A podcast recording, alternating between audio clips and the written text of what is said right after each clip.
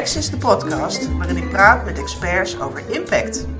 Mensen met jaren ervaring of young professionals die elke dag het beste geven om zichzelf en de wereld te verbeteren.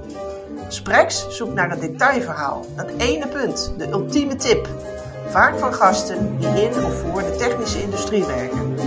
Verwacht verrassende gesprekken over ondernemen, groeien en marketing. Met concrete ideeën en inzichten om zelf impact te maken. Ik deel in de podcast ook mijn mening, advies en tips. Ik ben Saskia de Jong, marketeer en mediamaker. Hoe maak je impact met een nieuwsbrief? Als je het nog niet of weinig doet en moeite hebt met schrijven. Of niet weet waar het nu weer over moet gaan. We worden overspoeld met informatie. Waarom toch die nieuwsbrief? Daarover praat ik in deze podcastaflevering met Judith de Vries. Zij helpt dienstverleners met hun marketing en is door de mailingtools Mailchimp en MailerLite erkend als e-mail-expert. Ze helpt haar klanten daarmee en helpt ze uit de brand als de boel niet loopt. Judith is een vrouw met veel praktische kennis over marketing en met een uitgesproken mening. Daarom vind ik het superleuk samen met haar te praten over hoe je in deze tijden toch impact kunt maken met je nieuwsbrief. Judith, leuk dat je er bent. Saskia, leuk dat jij er ook bent en dankjewel dat je me dit vraagt. Heel leuk om samen te praten over e-mailmarketing en nieuwsbrieven. En ja, om gelijk met de deur in huis te vallen, maak jij impact? Ja, dat lijkt me wel, want ik doe zelden iets anders voor mijn marketing dan een blog publiceren en een nieuwsbrief rondsturen. En daarop krijg jij ja, klanten? Daarmee haal je klanten ja, binnen? Ja, zeker weten. Moet je daarvoor een grote lijst hebben? Uh, dat is een misvatting, Saskia. Mensen denken dat vaak, omdat uit Amerika is overgewaaid, de money is in de list. Dat is ook waar, de money is ook in de list.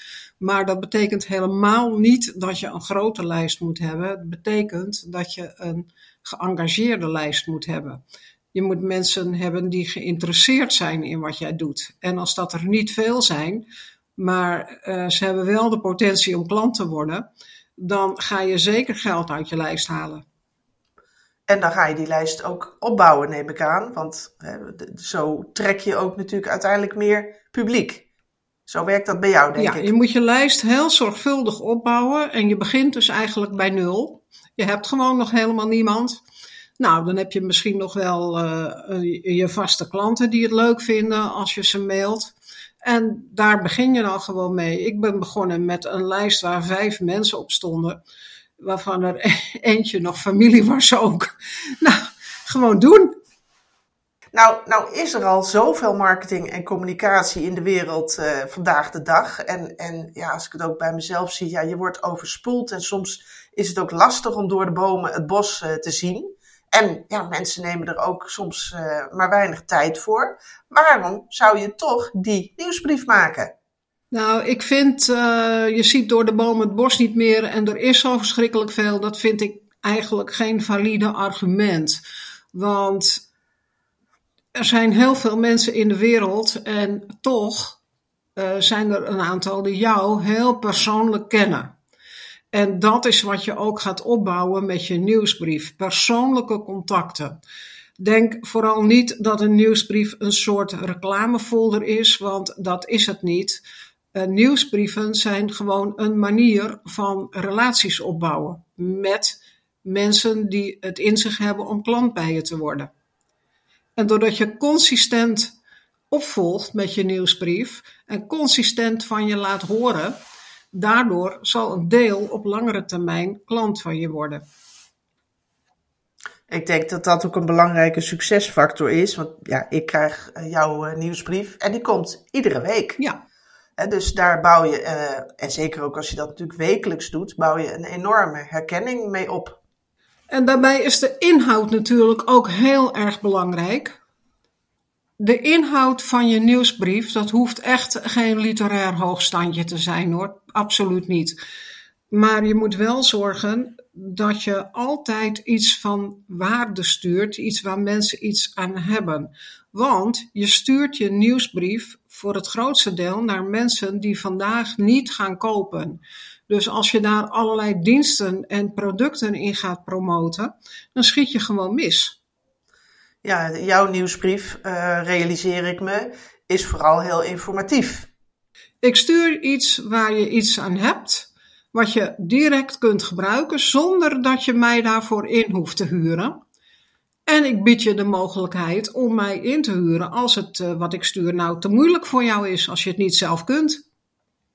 Ja, betekent dat dat jij uh, je doelgroep in, in, in, ja, in twee groepen hebt, hebt verdeeld? Dat je twee doelgroepen hebt? Nee, dat doen de mensen zelf. Sommige, dat doen mensen zelf. Je, je stuurt je nieuwsbrief naar iedereen die geïnteresseerd is en die zich daarvoor inschrijft. Dus alleen als mensen erom vragen. Als ze er niet om vragen, dan doe je het niet. En ze verdelen zichzelf, want een deel wordt klant en een ander deel wordt geen klant. Dat is met iedere nieuwsbrief zo. Je kunt soms jaren naar mensen mailen en dan denk je, nou, dat wordt nooit wat dat, dat wordt gewoon geen klantrelatie. Maar recentelijk heb ik weer ontdekt dat dat helemaal niet waar is. Want iemand stond al iets van zes jaar op mijn lijst en ik zit braaf elke week te mailen. Ik denk het wordt niks. En toen ineens ging die persoon een heleboel kopen. Ja, dus dat is uh, een, uh, een heel goed voorbeeld van dat je dus echt ook, ja, misschien dus wel langjarig moet investeren. Uh, voordat iemand uh, echt bij jou aanklopt. Ja, en dat is natuurlijk in alle andere situaties ook zo. Hè? Je moet soms jaren opvolgen voordat iemand klant wordt. En juist omdat dat moet, moet je dat automatiseren. Moet je dat makkelijk maken, zodat je dat ook kunt doen. Want als je jarenlang elke week naar iemand moet gaan bellen of een persoonlijke e-mail sturen en je moet dat naar honderden mensen doen, dat kan niet. Ik herken bij mezelf dat het eh, best lastig is om, uh, om, om, onderwerpen te verzinnen en, en die structuur, ja, die structuur niet zozeer te verzinnen, maar wel om hem vast te houden. En dus die beren die zien, zien anderen natuurlijk ook op de weg. En ja, jij bent er zelf, hoor ik ook nu in jouw verhaal, heel succesvol mee. Hoe pak je dat dan zelf aan? Hè? Hoe houd je die motor aan de gang? Nou, je begint met een dingetje dat je gratis weggeeft een checklist, een e-book, het maakt niet uit. Iets in elk geval. Um, en dat direct past bij jouw diensten. Het moet een soort voorproefje zijn. Zorg dus dat je als je zoiets gaat maken, dat je dan niet gaat kijken wat nou een heel erg populair onderwerp is dat mensen vandaag graag willen hebben. Als het niet direct met je diensten te maken heeft, dan kun je daar wel degelijk mensen mee aantrekken, maar dat zijn geen mensen die klant kunnen worden. Dus het moet passen bij je diensten. En vervolgens kun je daar een funnel op aan laten sluiten. En een funnel is een mooi woord voor een serie e-mails die inspelen op de gedachten van je klant, op de kopersreis. Dus die klant die begint meestal met een heel vaag bewustzijn van, goh, zou dit iets voor mij zijn? Nou, dan moet je dus duidelijk maken dat dit een echte kans is en dat je dat zou moeten doen. En daarna dan gaan ze nadenken van ja, maar waar zal ik dat dan doen? Of zal ik dan toch iets anders doen? Ze gaan alle, al hun opties afwegen. En daar heb je dus ook een paar e-mailtjes voor nodig. En vervolgens gaan ze een knoop doorhakken. En dat is een, hele, eh, een heel belangrijk punt, omdat op dat punt dan kun je ze al wel overtuigd hebben dat ze iets moeten gaan doen hiermee, maar dat betekent nog niet dat ze voor jou kiezen. Dus juist in die laatste fase moet je zorgen voor case studies, reviews, het gewoon duidelijk maken dat ze wel bij jou moeten zijn. En daarna stromen ze uit die funnel. Die funnel is dan klaar. Ze weten dan wat ze weten moeten en ze hebben nog niet gekocht. Het kan zomaar gebeuren. En je moet ze dan uh, blijven mailen en je moet ze dingen sturen die echt interessant voor ze zijn. En dat is makkelijker dan je denkt, want je hebt waarschijnlijk nu al klanten en die klanten stellen vragen aan jou. Absoluut. Er zijn een, je hebt een heleboel veelgestelde vragen. En die kun je allemaal gaan uitbouwen uh, in informatie voor je doelgroep. En dat stuur je naar ze toe. Dat is het. Dat is dus eigenlijk een, een, een, eh, een, een vervolgaanpak, een vervolgstrategie op allereerst het sturen van je nieuwsbrief.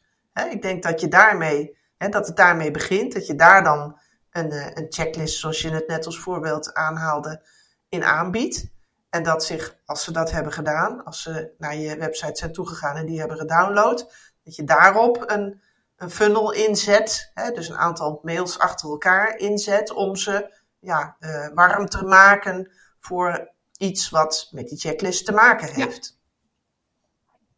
En heb jij uh, idee over frequentie van, hè, als je dus een mailserie hebt van, ja, het kunnen er vijf zijn en er kunnen er misschien zelfs ook wel tien zijn, mailtjes achter elkaar, wat een goede frequentie is. Ik zie zelf wel eens binnenkomen, want ik download natuurlijk ook het een en het ander, dat je dan ja, uh, dagelijks uh, in een hoge frequentie dus ja, wordt geïnformeerd over nou ja, wat je verder nog zou kunnen doen met hem of haar.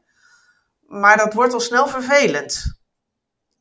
Is daar een balans in te vinden? Um, sommige mensen vinden dat inderdaad vervelend, anderen vinden dat niet vervelend. En dat hangt er ook vanaf. Waar zit die lezer in de kopersreis? Zit hij te snakken naar die informatie of neemt hij het op de koop toe, want hij wilde alleen die checklist hebben? Daar zijn uh, oplossingen voor.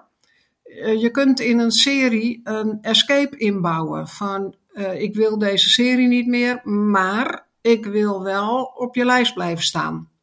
En dat vind ik ook wel aan te raden om zoiets in te bouwen, dat mensen er gewoon weer uit kunnen. Ja, dus dan kun je mensen hun voorkeuren laten aangeven. Hè? Dat staat dan bij tools zoals inderdaad Mailchimp en MailerLite staat dan daar onderin dat je je voorkeuren kunt, uh, kunt wijzigen.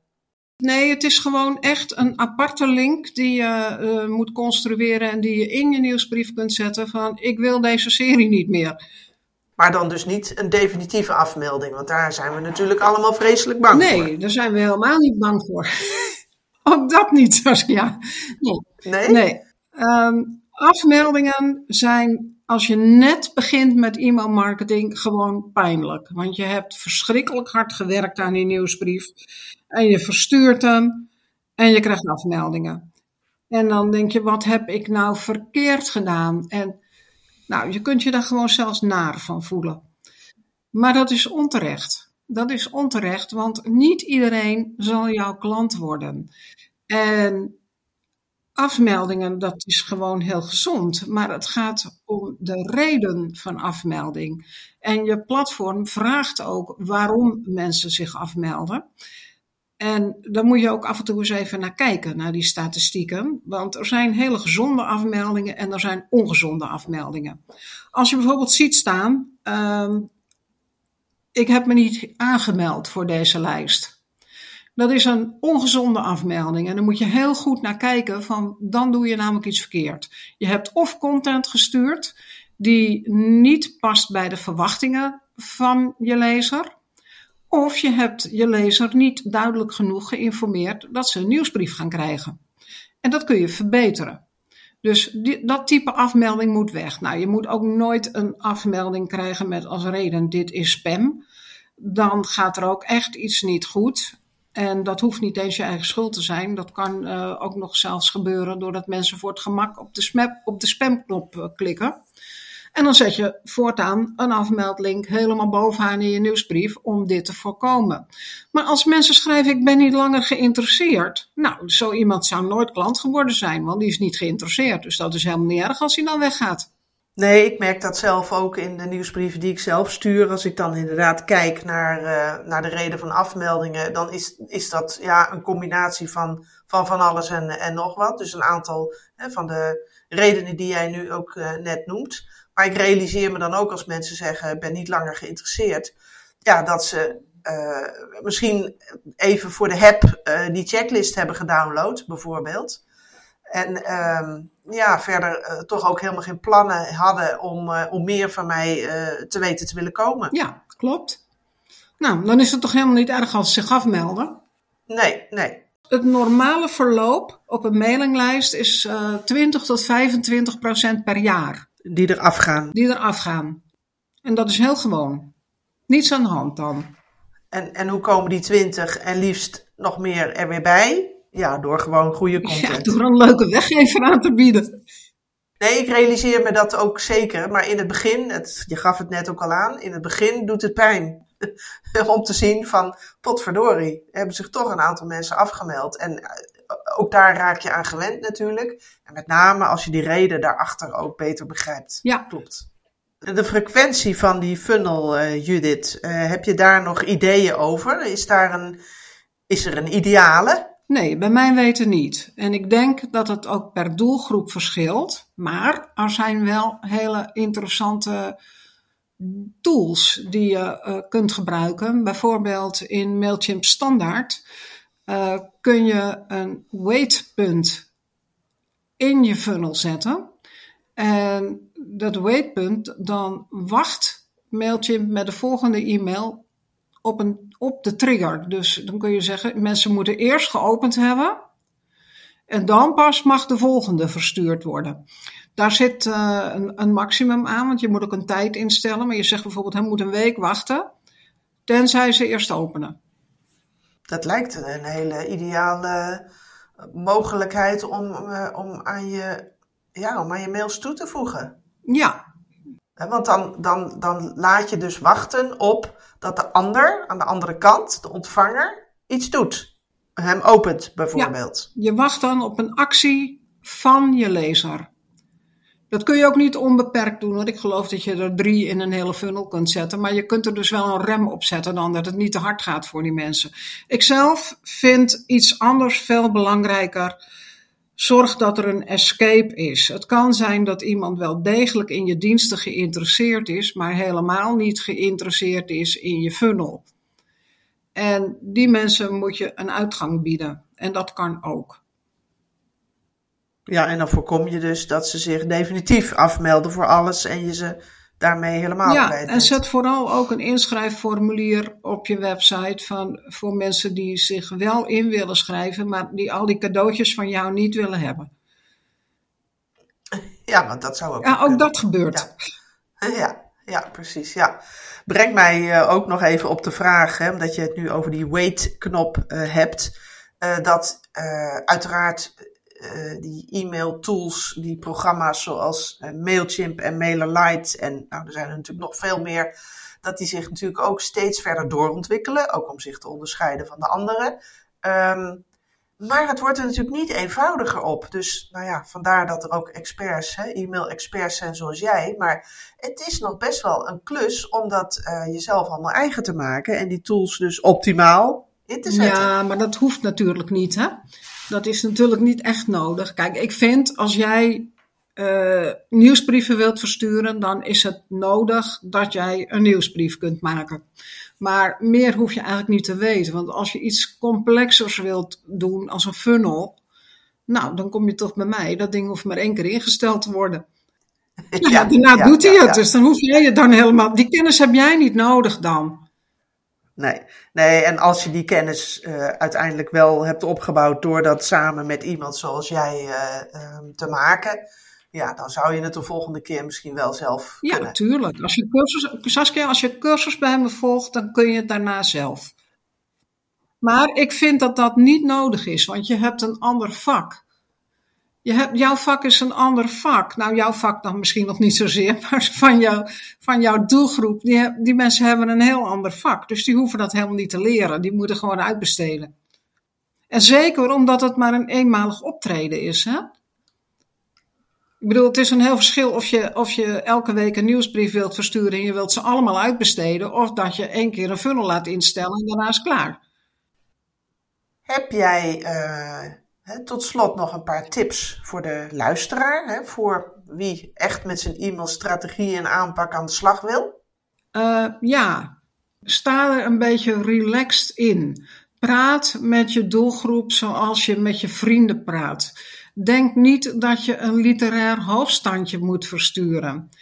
Als je niet weet waar je over moet gaan schrijven, denk dan aan je klanten. Neem een klant voor ogen en wat zou je aan die klant willen vertellen? En waar heeft die klant behoefte aan?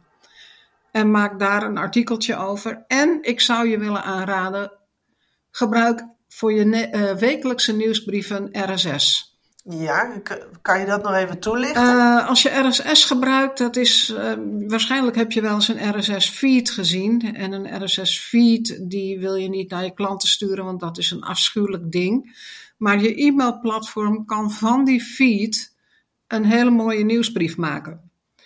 En dat betekent dat jij geen nieuwsbrieven meer hoeft te maken. Jij hoeft dan alleen een blogpost te publiceren en je e-mailplatform doet de rest. Dus je koppelt daarmee uh, dat wat je op je website plaatst, hè, dus een blog, een artikel, een nieuwsbericht, uh, koppel je aan je e-mailprogramma. En je e-mailprogramma gaat het vanzelf versturen volgens een vast ritme dat jij instelt. En jij hebt dus eigenlijk helemaal geen werk meer aan de nieuwsbrief, terwijl je wel een lijst met contacten opbouwt en terwijl je wel consistent opvolgt. Nou, dat klinkt als een hele slimme, eh, eigenlijk ook als een eenvoudige, maar ook als een hele, hele slimme aanpak. Ja. Die dus je aan de voorkant één keer werk geeft om dat in te stellen, denk ik. En natuurlijk, ja, je moet wel je, je blogs en je artikelen moet je wel maken. Maar daarna gaat die nieuwsbrief dus vanzelf, zeg ja, die gaat vanzelf. En daar kun je dingen aan toevoegen. Je kunt bijvoorbeeld best uh, elke keer een uh, nieuwe inleiding erboven zetten. Maar je kunt die inleiding ook heel algemeen houden, zodat het altijd goed is. Je kunt er een aanbieding aan toevoegen. Je hebt een of andere actie of zo. Nou, dan zet je een stuk, extra stukje erin. Maar het draait allemaal om je hoofdartikel. En daarmee zorg je dus ook, zeker als je zorgt dat je zo instelt dat er maar één artikel in staat, dan heeft je nieuwsbrief ook focus. Ja, want dat is ook vaak lastig. Hè? Dan uh, krijg je een nieuwsbrief en er staan er allerlei artikeltjes. En eigenlijk dus te veel om te klikken. En dan wordt er dus niet meer geklikt of nog nauwelijks. En als je er maar één in zet, één artikel, ja, dan krijgt dat de aandacht. Dat is een uh, fout inderdaad die vaak gemaakt wordt. Mensen zijn vaak bang om te vaak te mailen. En als ze dan gaan mailen, dan gaan ze daar een heleboel in zetten. Want ja, je vraagt uh, aandacht van je lezers, dus dan moet je ook iets bieden. Nou, dat is de verkeerde manier. Allereerst, het is vrij moeilijk om te vaak te mailen. Daar heb ik een keer onderzoek naar gedaan. Ik heb uh, in 2014 heb ik op mijn inschrijfformulier gevraagd hoe vaak wil jij mijn nieuwsbrief ontvangen.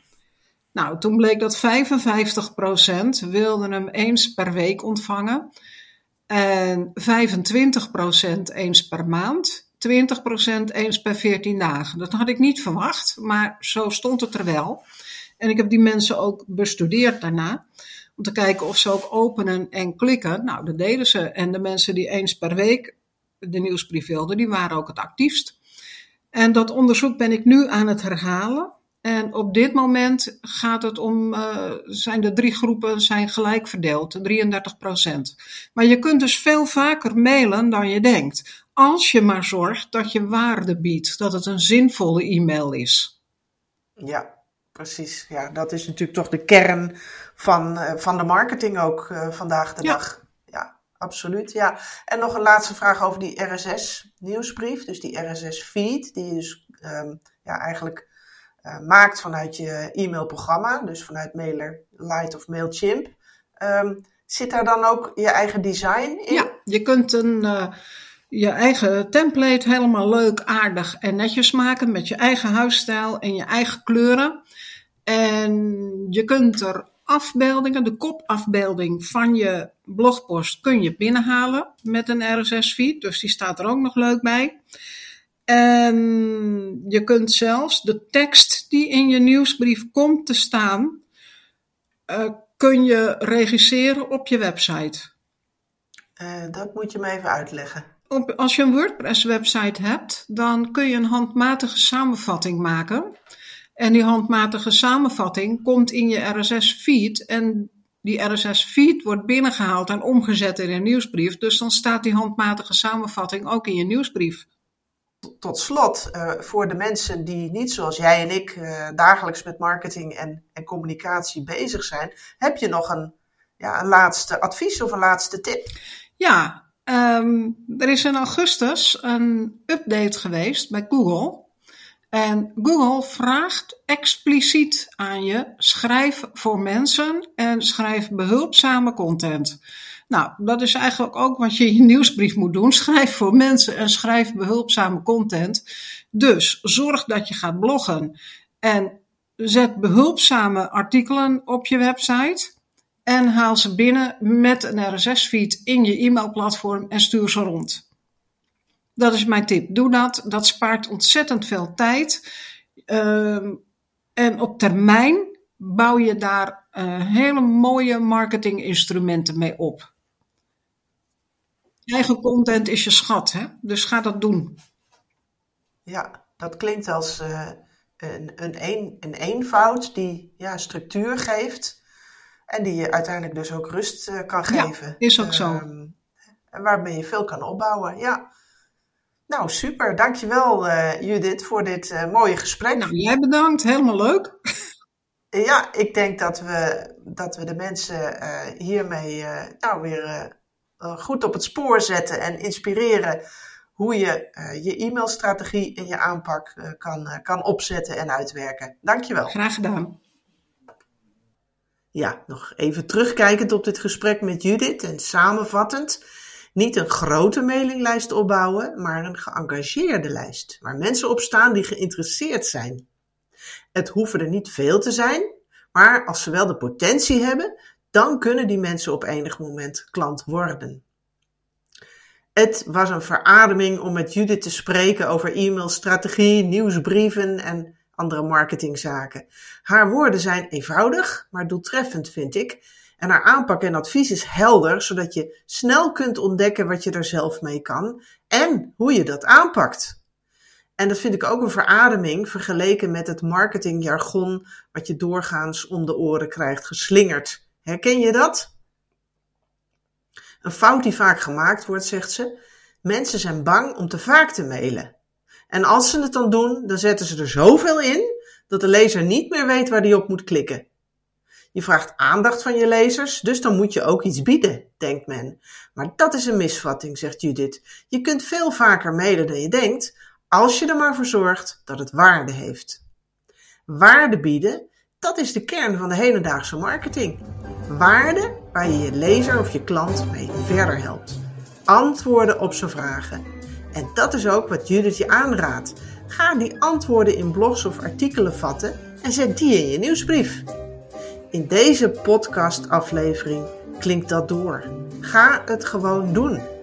Het is niet moeilijk als je de vragen van je klanten als uitgangspunt neemt voor je e-mailaanpak.